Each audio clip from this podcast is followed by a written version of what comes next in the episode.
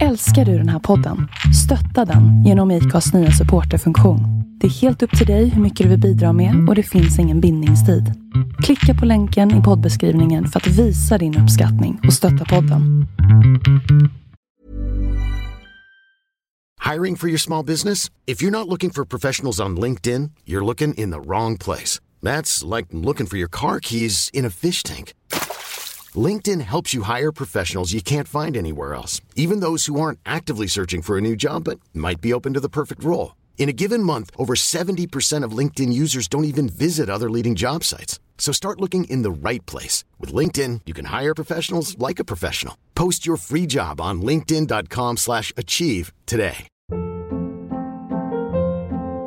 Hold up. What was that? Boring. No flavor. That was as bad as those leftovers you ate all week. Kiki Palmer here, and it's time to say hello to something fresh and guilt-free. Hello Fresh. Jazz up dinner with pecan-crusted chicken or garlic butter shrimp scampi. Now that's music to my mouth. Hello Fresh. Let's get this dinner party started. Discover all the delicious possibilities at hellofresh.com. Hey, Dave. Yeah, Randy. Since we founded Bombus, we've always said our socks, underwear, and t shirts are super soft. Any new ideas? Maybe sublimely soft. Or disgustingly cozy? Wait, what? I got it. Bombus. Absurdly comfortable essentials for yourself And for those facing homelessness. because one purchased equals one donated. Wow, did we just write an ad? Yes. Bombas. Big comfort for everyone. Go to bombas.com slash ACAST and use code ACAST for 20% off your first purchase.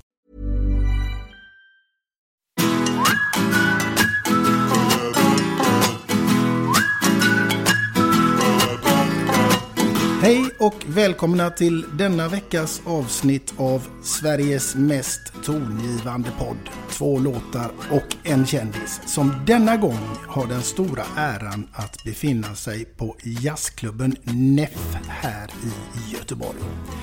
Och framför mig med sina tio album, turnéframgångar, Grammis, nomineringar och deltagande i Melodifestivalen är hon idag en av de mest mångsidiga och respekterade artisterna på den svenska popscenen.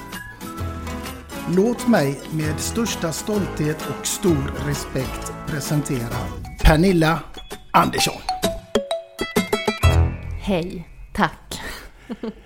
Du, varmt välkommen! Tack så mycket. Och väldigt, väldigt kul att få möta dig här i Göteborg igen. Ja, men det är fantastiskt att få vara i Göteborg och på mitt absoluta favoritställe i Göteborg, nämligen Nefertitis jazzklubb. Ja, du ska ju spela här ikväll. Mm, det, det är fantastiskt. Jag gjorde min första spelning i livet här när jag började turnera och det var ju typ 99 kanske. Så att eh, jag är jätteglad att vara tillbaks. Det har gått några år sedan dess. Ja, och ändå är jag bara 25. Ja, Som det kan bli. som det kan bli.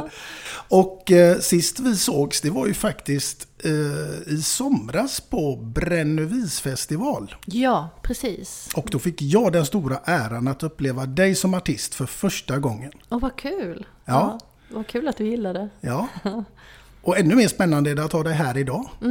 Det tycker jag också. Jag Ja. brukar inte göra så mycket poddar så att det känns kul faktiskt. Den här podden handlar ju till stor del om musik. Och musik är ju någonting som är ditt allt här i livet höll jag på att säga, men en stor del av din vardag. Ja, det är både mitt levebröd och min passion i ett. Så, så att, eh, ja. Och för oss andra så tänker jag ändå liksom att musik är väl ändå något som påverkar alla människor på ett eller annat sätt. Det tror jag verkligen, även om man är medveten om det eller inte. Kan man säga, jag tror att, att alla blir påverkade av det. Och min första fråga till dig här är egentligen, vad är ditt absolut första minne som du kan härleda till vad det gäller musik?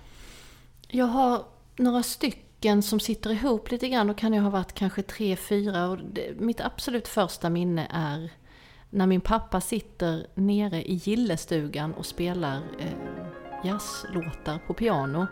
Och jag leker bakom och så här. Och då, då eh, hade vi också en virveltrumma hemma och så hittade jag naturligtvis mitt i hans finstämda spel så hittade jag ju trumpinnen till den där stackars virveln så att eh, jag, jag minns en bastning, jag slog allt jag kunde på virveln och blev sketrädd. Så att jag minns liksom en liten så här jag minns att pappa sa att man måste ha respekt för instrument och att de är fina levande saker. Och sen fortsatte han att spela. Det är ett av mina första musikminnen. Vilket härligt minne. Mm. Och jag, jag, säger samma till Sixten nu, jag märker att eh, när han var så här fem, fyra, fem så, så blir jag lite så här upprörd när han slår på mitt piano hemma. För att det är liksom, om man har sett ett piano hur det är byggt och så med strängar och klubbor och sådär så är har jag också försökt tala om för honom att man får slå på det om man vet vad man gör, men det är ett levande instrument, Sixten. Han tittar på mig som att jag är dum i huvudet då, men jag försöker i alla fall. Finns det någon musikalisk ådra i sonen Sixten? Jag tror, alltså vi är ju väldigt försiktiga, både jag och hans pappa, som också är musiker, att um, att eh, indoktrinera honom för att han har inte visat ett sånt där naturligt intresse för musik och han tycker inte om att följa med på gig och han tycker inte om att turnera och sådär utan han är en ganska så här hemmapojke liksom. Så eh, han är väldigt glad i musik men jag kan inte säga att jag märker någon särskild begåvning eller något intresse för att spela instrument och vi, han är bara sex år så att vi försöker bara så låta det vill inte att han ska känna att han måste följa efter i, i några slags hjulspår. Det får han själv komma fram till. Mm. Men du kommer ju från en musikalisk familj. Ja, kanske precis just därför jag inte. För jag, jag minns det också väldigt tydligt. Men, men, till pappas försvar då som började indoktrinera mig så, så sa han att han märkte väldigt tidigt på mig. Och det märker inte jag på Sixten. Eh, men han märkte på mig ett enormt intresse för musik och för pianot och jag började klinka i fyra år och skrev min första låt när jag var åtta. Så att jag tror att jag hade reagerat likadant som min pappa och mamma gjorde när de såg att jag hade ett sånt grundmurat intresse från början. Ehm, så att jag blev ju indoktrinerad och uppspel, alltså min pappa spelade Wagner och han utbildade sig samtidigt som jag var 6-7 år till musikdirektör. Så att då var han ju inne i så här jättemycket musikundervisning och sådär. Så då fick jag åka med lite. Nu ska vi lyssna på det här och nu ska vi lyssna på det här och så. Och till slut så tyckte jag att det var ganska tråkigt. För att jag vill ju som alla andra barn höra Främling med Carola.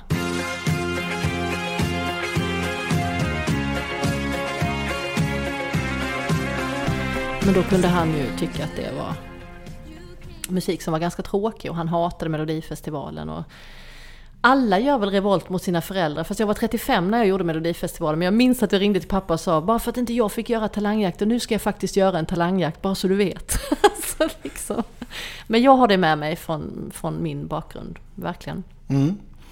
Och eh, någonting annat som jag kommer in på när du pratar om allt med din pappa och det här så mm. får det mig också härleda till att du är en otroligt varmhjärtad person. Tycker du det?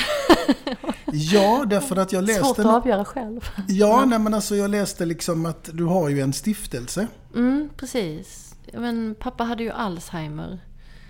Eh, och när vi träffades första gången då var ju han ganska mycket på sitt yttersta. Så att jag åkte ju hem på natten där som du minns. Det var ju så vi lärde känna varandra egentligen i båten över, över sundet där. ja, precis. Ja, och då, eh, han, han blev så sjuk och så bortkopplad i och med att han var dement. Så att jag upplevde en enorm eh, rädsla för han blev inte riktigt rätt behandlad och han kunde inte säga någonting med ord. Och jag blev så otroligt tagen av alla, inte bara pappa utan alla patienter som tappar orden och som tappar de här kognitiva kunskaperna. Så att jag ja, jag blev väldigt tagen av det och då, då beslöt vi oss för att starta en stiftelse som heter Pernilla Andersson Dregen-stiftelsen. Som ska främja dels eh, kunskapsintaget för människor eh, som kanske inte förstår hur det är att leva med någon som får Alzheimer och tappar sina förmågor. Och, ja, men bilda lite opinion och, och liksom försöka ändra lite för hur de har det. Det är inte helt bra i äldrevården idag. Och, Ja, jag tror att eh, ilska är väl det bästa vapnet när man ska förändra någonting. Jag blev så jävla arg när pappa for illa. Jag hittade honom i sin egen avföring och han kan ju inte säga det. Det var ju ren slump att jag kom upp och såg att han satt. Och när jag gick ut och sa det så fick jag liksom 800 mail från hela Sverige på samma saker. Och då blev jag ännu mer arg. Så jag känner att lika passionerad som jag är för musiken så vill jag också vara det med den här stiftelsen. Jag vill verkligen att vi ändrar hur vi behandlar våra äldre för de har gjort allt för oss och byggt upp det här landet för oss för att vi ska ha det så bra och så, så blir vi bara bortskämda och skiter i dem liksom. Mm. Nej, det känns ju naturligtvis inte okej. Och all heder åt dig som verkligen försöker göra någonting åt det här känner jag. Åh, tack, tack. Jag vet ju inte om jag lyckas men jag kan ju... Jag tänker man kan alltid gapa lite på vägen. Vi ska ju alla gå bort en dag och det känns skönt om man har stått upp för någonting som man tycker är rätt innan man trillar av pinnen på något sätt. Ja, verkligen, verkligen. Men väldigt stort av dig i alla fall Pernilla tycker jag. Och säkert många med mig. Du, jag tänkte att vi skulle leda in lite grann på Kungliga Musikhögskolan, för där har du gått. Ja, precis. Jag, jag har gått där. Jag tyckte det var jobbigt at the time att gå där för att jag sökte tre gånger och hade idéer om att det skulle vara, jag är liksom så vild själ så att jag vill göra lite som jag vill och alla institutioner är ju lite kantiga. Men nu har jag varit mentor på Musikhögskolan. Eh, det var ju så länge sedan jag gick där och jag är otroligt tacksam och glad idag för att jag tror alla studenter känner så när man går i skolan att det är lite kantigt. Men eh, det var en kul och utvecklande tid i livet ändå. Ja, det förstår jag verkligen. Mm, mm. Och sedan har du också varit på turné med mm. Thomas Dileva. Ja, och det var, han var en sån räddare för mig för jag hade jag hade skitdåligt med pengar och hade gjort min första skiva och den gick inte riktigt så bra som alla hade tänkt sig. Och så blev jag lite osäker på om jag skulle vara kvar på skivbolaget för jag tyckte inte att de var så himla ja men, entusiasmerande om man nu ska uttrycka det milt. Så att jag vågade liksom säga att om inte ni satsar på mig då skiter jag i det här. Och då var det någon skivbolagsdirektör som sa går du nu så får du aldrig något nytt skiv skivkontrakt. Så jag tänkte, men nu, och jag var ju skiträdd, men jag gick därifrån eh, och hade såklart inget jobb och inga pengar. Så jag fick börja jobba på FIK och jobba jättemycket på FIK i, i ett år nästan. Sådär. Ehm, och till slut så när jag kände att det här, jag kommer aldrig kunna spela igen, jag får inga jobb, jag får inget skivkontrakt. Och då höll jag samtidigt på med skiva. Men då, då stod jag på fiket en dag så ringde telefonen på kontoret där. Och då var det Thomas Di Levas manager som ringde och frågade om jag ville följa med på turné. Då skulle vi åka på Kalasturnén, hette den med massa olika band som åkte. Och då blev jag ju från att ha en ganska usel timlön och vara ganska slut och jobba 10 timmars pass så fick man så här 5000 per gig och massa spelningar och turnébuss och det var jag var ju helt i hy, alltså jag höll på att hoppa av mig själv den sommaren. Det var ju fantastiskt att säga tack och hej till kaféjobbet och bara kliva på en turnébuss. Så att jag kommer alltid älska Thomas för det här. Han, han var en jättebra arbetsgivare också och han var Eh, det var jätte, vi gör helt olika musik han och jag. Så att komma in i hans värld och repa hans låtar, det var något helt nytt.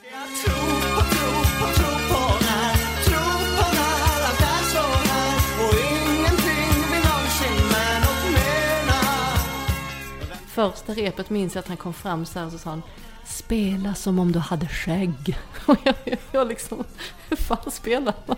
Men jag var så glad för mitt jobb så jag bara, ja ja visst, visst, klart jag ska spela som jag har skägg. Och repet efter så sa han, Tänk som att du sitter i ett litet ägg och är en fågelunge som försöker ta sig ut, spela så. Jag bara, ja visst Thomas, det är liksom helt omöjliga instruktioner. Men jag var jävligt glad i det giget så att jag tyckte det var toppen. Faktiskt. Ja, de är inte helt lättolkade Nej, det är svårt att spela som du har skägg till en tjej. Man bara, mm, ja. ja. Det låter ju inte helt naturligt. Nej, det var, det var väldigt kul faktiskt. Jag är glad för det. Det var, det var också där det började. Jag träffade min, jag har sam, vi hade samma manager då efter ett tag. Och det var då jag kom in i det här igen och jag fick självförtroende och så fick jag ett nytt skivkontrakt och sådär. Så det var, det var den där Summer of Blues som blev Summer of eh, härlighet. Så. Mm.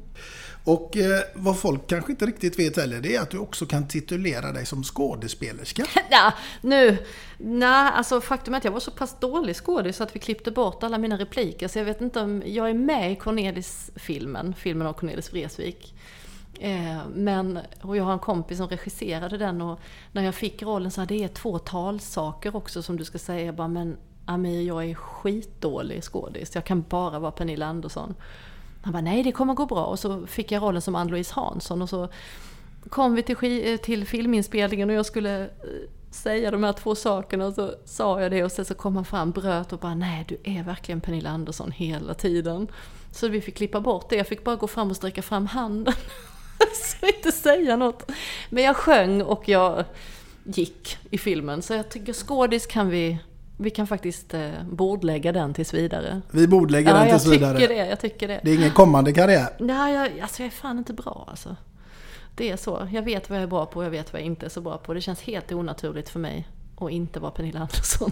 Nej, men du är fantastisk Pernilla Andersson Ja, på men scenen. ta- jag jobbar på det. Men, ja. Ja, du Pernilla, jag tänker att vi faktiskt ska börja och låta Ta oss in lite på ditt första låtval som jag är väldigt nyfiken på. Vad är det? Ja, det är nu när vi har pratat så mycket turné och sådär. Det är min Eh, bästa låt som jag har haft med mig sedan jag var 16 år. Och som, om jag fick välja en låt skulle jag ta med den på en öde ö också. För att den har gjort så mycket psykiskt för mig. Det är en helt instrumental låt som heter Last Train Home av en grupp som heter Pat Metheny Group. Som jag blev oerhört förtjust i när jag var 16-17 år. Jag såg dem faktiskt här i Göteborg på mässhallarna själv. Köpte biljett. Eh, köpte till och med merch, jag köpte en t-shirt och så gick jag och såg det. Ehm, det är liksom en tågtuffarlåt. Jag har den alltid när jag ska sova i turnébussen. Jag har den när jag blir ledsen och när min pappa dog och jag inte kunde hantera det riktigt så satt jag med den låten. Och, ja, men så fort jag blir ledsen eller osäker eller otrygg så lyssnar jag på den här låten Last Train Home för jag blir så otroligt lugn av den. Så den har den blivit en på vägen-låt för mig också eftersom jag reser så mycket. Eh, och när ni lyssnar nu så kommer ni säkert förstå varför. Då tycker jag att vi tar och lyssnar på Last Train Home med Pat Metheny Group.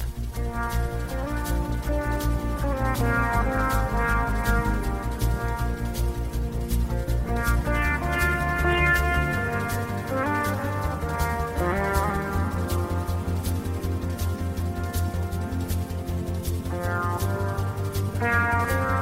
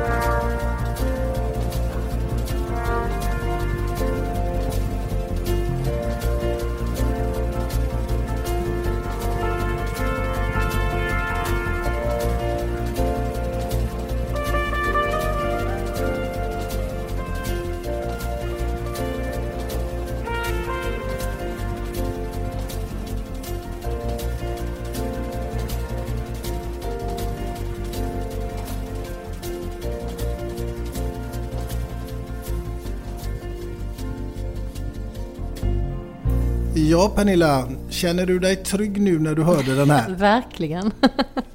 Jag lyssnade faktiskt på den eh, på väg till eh, flyget i morse också. Mm. Och det blir kanske på vägen hem också? Nej, men nu får det vara bra ett tag, några dagar. Nu får det vara bra ett tag, ja. ja. Du, 2013, det var ett mm. bra år för dig. Ja, då kom Sixten.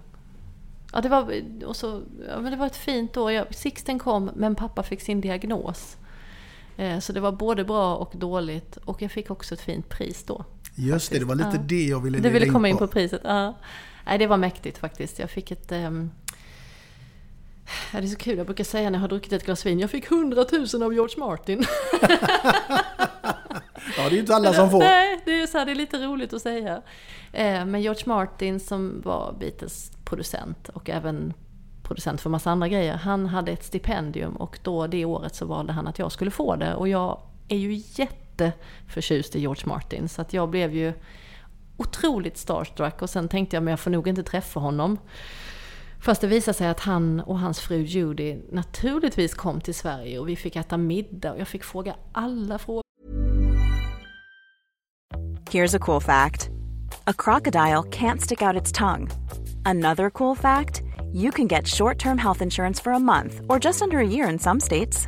United Healthcare short term insurance plans are designed for people who are between jobs, coming off their parents' plan, or turning a side hustle into a full time gig.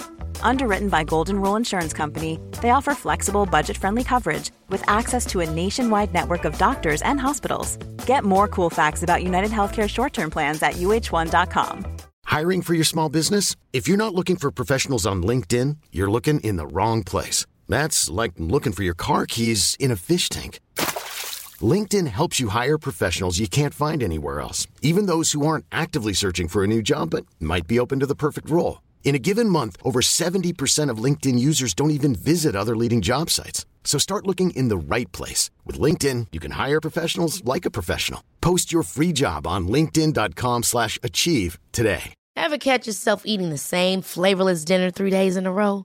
Dreaming of something better? Well, HelloFresh is your guilt-free dream come true, baby. It's me, Gigi Palmer. Let's wake up those taste buds with hot, juicy pecan-crusted chicken or garlic butter shrimp scampi. Mm. Hello Fresh. Stop dreaming of all the delicious possibilities and dig in at HelloFresh.com. Let's get this dinner party started. Hey, Dave. Yeah, Randy. Since we founded Bombus, we've always said our socks, underwear, and t shirts are super soft. Any new ideas? Maybe sublimely soft. Or disgustingly cozy. Wait, what? I got it. Bombus Absurdly comfortable essentials for yourself and for those facing homelessness. Because one purchased equals one donated. Wow, did we just write an ad?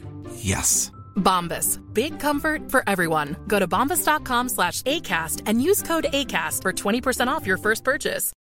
Millions of people have lost weight with personalized plans from Noom. Like Evan, who can't stand salads and still lost 50 pounds. Salads, generally, for most people, are the easy button, right? For me, that wasn't an option. I never really was a salad guy. That's just not who I am. But Noom worked for me. Get your personalized plan today at Noom.com. Real Noom user compensated to provide their story. In four weeks, the typical Noom user can expect to lose one to two pounds per week. Individual results may vary. Som jag ville fråga en drömproducent om, om Beatles och inspelningar och det var väldigt fint. Och dessutom, eh, nu får vi klippa här om jag har fel, men det här kanske var också som första kvinna va? Ja, enda kvinna som har fått George Martin-stipendiet i hela Europa faktiskt. Det tycker jag är stort. Ja men det är ju jätteglädjande faktiskt. Det är, det är jag glad för. Jo, jag ska leda in lite här också Pernilla på, finns det någon musik som du sådär känner att nej, det här går bort? Jag tycker det är svårt faktiskt för att all sorts musik har både bra och dåliga sidor. Men om det är något jag har väldigt svårt för så är det liksom frikyrkogospel. Alltså när den inte är gospel, svart gospel utan när den är liksom färgad av någon slags eh, psalmbok. Det har jag lite svårt för faktiskt. Eh, det landar inte så bra hos mig. Men annars så går typ allt ner. Mm. Vilken låt skulle du helst, liksom, om, du, om du ska gå upp på dansgolvet en kväll med ett glas vin i kroppen. Ja, vilken låt går du helst upp till då?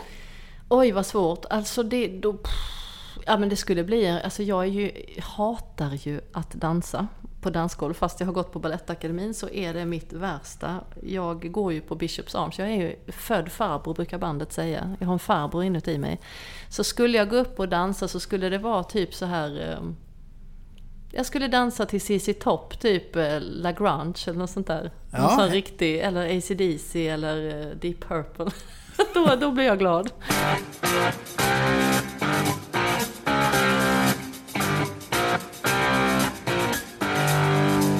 Då går du Ja, bananas. då, då går jag, då kan jag dansa lite sådär tantigt med en flaska öl i näven. Ja, men det är ändå coolt. Ja, tack. Inte vad du hade tänkt att jag skulle svara kanske. Ja, men snarare det jag hade hoppats att du skulle svara kanske. Jaha, okej. okej, ja. Du, eh, vi ska gå tillbaka till någonting helt annat här nu. För Mm. jag läste också något riktigt hemskt och det var tsunami. Ja.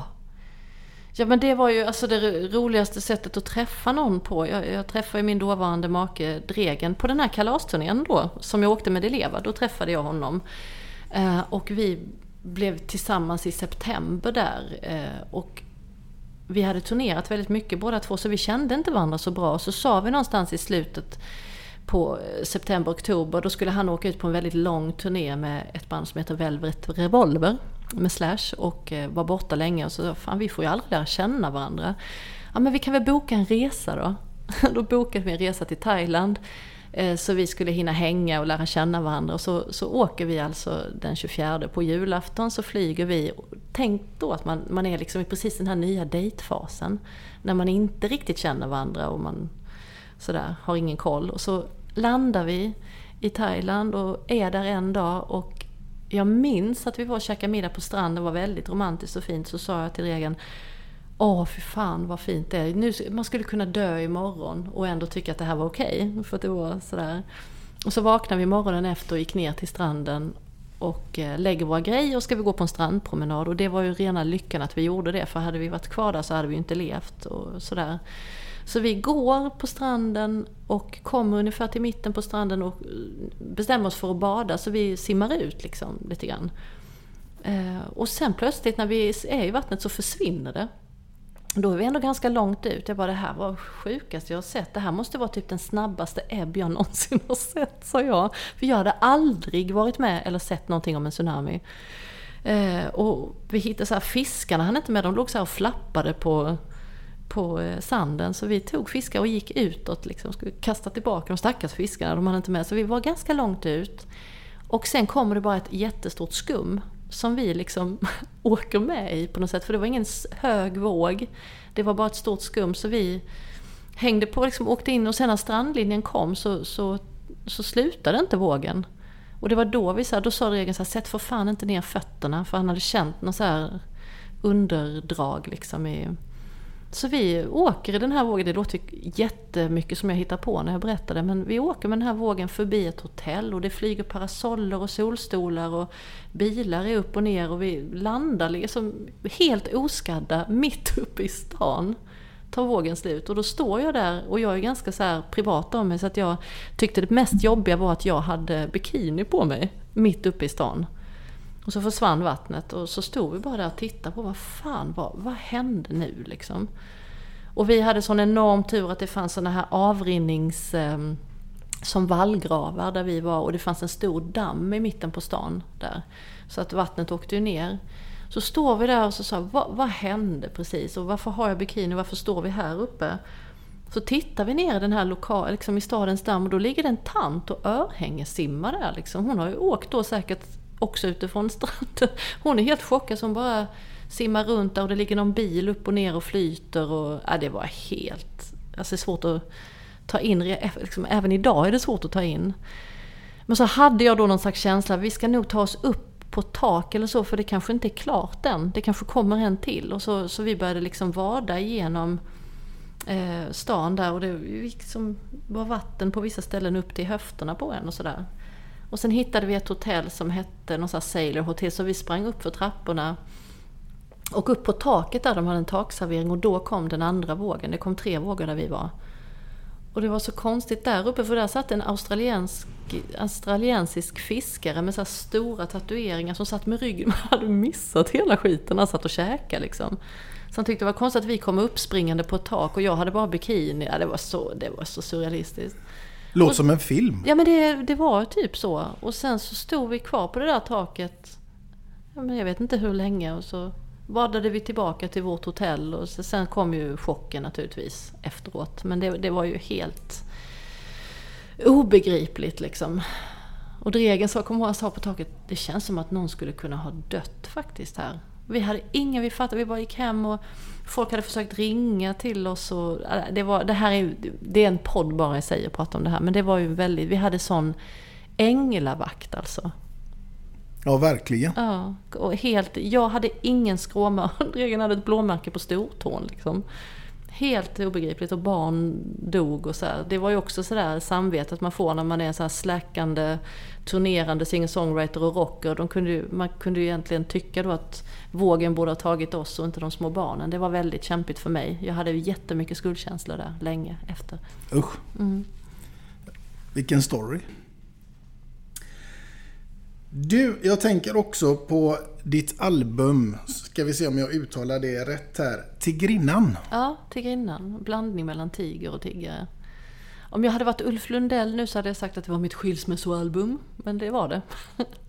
Ja, det var högst personligt ja, det, om jag har förstått det rätt. Ja, precis. Det, det avhandlar liksom den där perioden mitt i livet när allting går åt helvete, typ.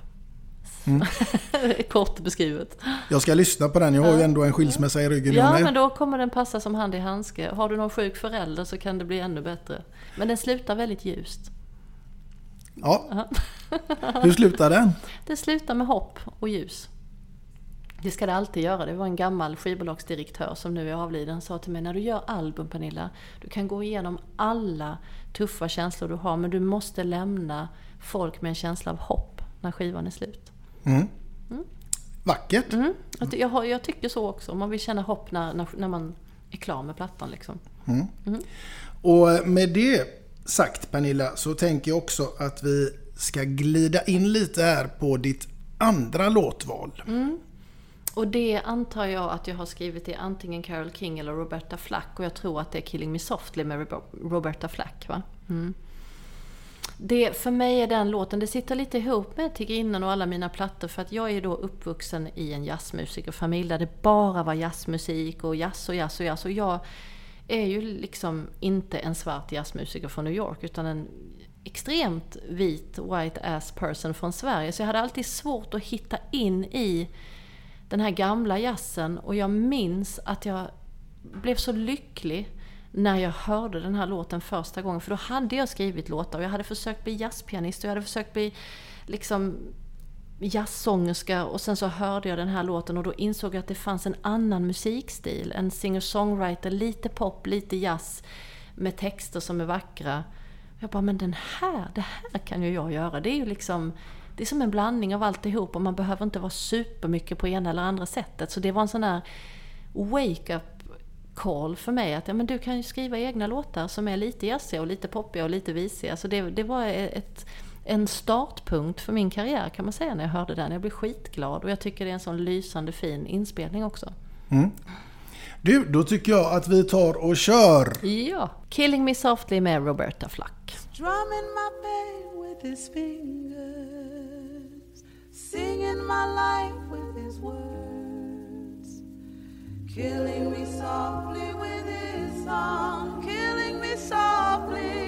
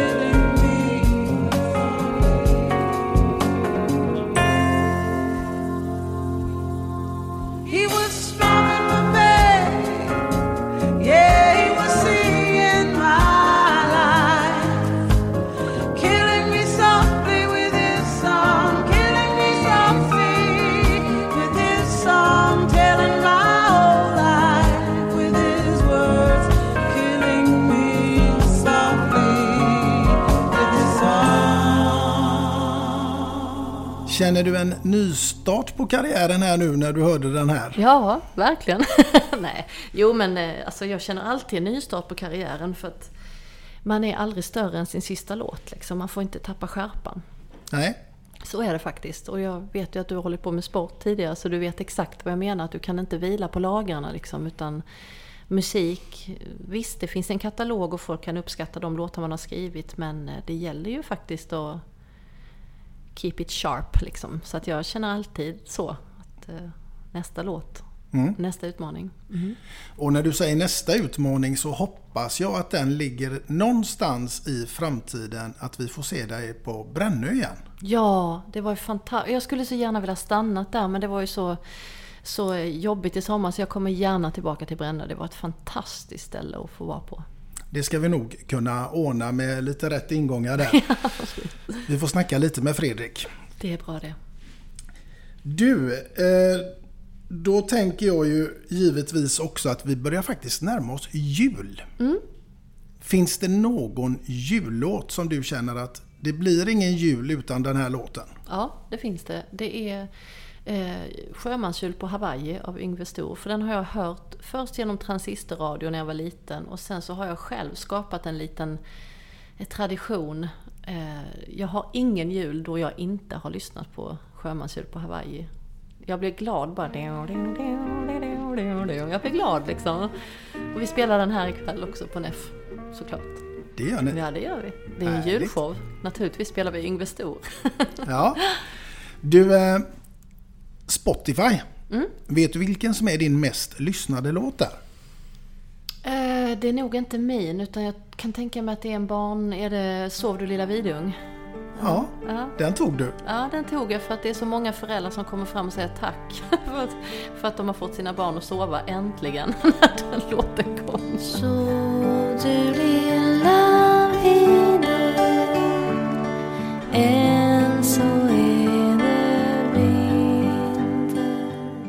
Ja, tack, tack. Barnen blir så trötta när de hör min röst så de somnar. Jag har inte provat den på mina Nej, du får prova. De är du se. 13 och 15, men det kanske måste- funkar ändå. Ja, ja, kanske lite för sent, men det, det är härligt att ha den impacten på folk att de sätter sig och somnar. Mm. Ja, verkligen. Du, eh, jag tänker också... Eh, köket. Hur ser det ut i köket hemma hos Pernilla Andersson? Köket? Ja. Förutom att jag är dålig på att sätta på och skruva på korkar på saker så ser det ganska väl fint ut i mitt kök. För jag är liksom lite så här noga med köksgolv och... Ja, men jag är lite noga av mig. Fast om du skulle prata med alla jag har varit ihop med i hela mitt liv så skulle den springande punkten till irritation vara att jag aldrig sätter in en ny påse i... Eh, vad heter det? I avfalls... soppåse. Ja, soppåse jag, tar upp, jag tar soppåsen och går ut men jag sätter aldrig en ny. Så jag har hört många förhållanden har jag hört, men för fan sätt i en påse. så att eh, det ser bra ut i köket men det kan saknas en soppåse. Ja. Men du, när du väl är där i köket. Vilken låt eller slags musik lyssnar du helst på då? Du står där med ett Ja. glas rött vin Ja, och du tillagar lyssnar- en middag. Vet du att jag har en lista som är officiell på Spotify som heter Pernilla Anderssons dricka vin och laga matlista. Som du kan gå in och följa.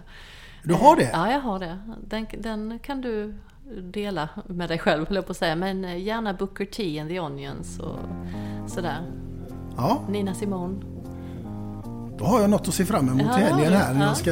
När du ska laga mat och dricka vin. Ja, precis. Ja. Mhm. Du, jag tänker faktiskt att jag ska be att få bidra med någonting till ditt kök. Ja, vad trevligt. Ja, En soppåse eller? nej. Inte denna gång. Nej, inte denna gången. Nej, den här gången så blir det istället, ska vi se här, nu Oh, rasslar det prasslar, lite. ja, ja. Ja, Spännande prassel. och fram kommer det en Vad mugg. fint! Och jag, du vet, jag samlar på kaffemuggar. Du gör Ja, det? jag gör det. Och jag är sådär... Jag alltid hade någon idé när jag var yngre att, att det var löjligt att ha så här hela serviser av någonting. Så att jag, jag eh, har olika koppar i min. Jag har inte fyra av varje utan jag har så här någon från Dennis i New York och så har jag Ystad Teater har jag någon kopp. Så att det här blir helt perfekt ju. Toppen. Ja, två låtar och en kändis och med ditt namn på också. Ja, fantastiskt. Tack snälla. Den vill jag att du ska ha som ett kärt minne från denna stund. Ja, jag ska dricka kaffe i den typ om två minuter när vi har sagt hej då. Ja, det ska du få göra. Ja. Innan det så vill jag bara också Japp. faktiskt säga att vi har haft en tidigare gäst här som heter Inge Nilsson. Mhm. Kanske mer känd som Pippi Långstrump. Ja, Pippi. Men hon samlade också på muggar. Gjorde hon det? Ja, så det har ni gemensamt. Ja, vad trevligt. Hon kanske inte är dock lika bra på att sjunga som du, men Nej, Jag är inte lika bra på att vara Pippi Långstrump som hon. nej. Så att det jämnar ut sig. Du, Pernilla, ett jättestort tack till att du ville medverka här i våran podd. Tack själv. Tusen tack. Och ett stort lycka till till spelningen ikväll. Tack så mycket. Och med det sagt, kära lyssnare, så hoppas jag att ni finns med oss i vårt nästkommande avsnitt av två låtar och en kändis. Ha det gott där ute. Hej då!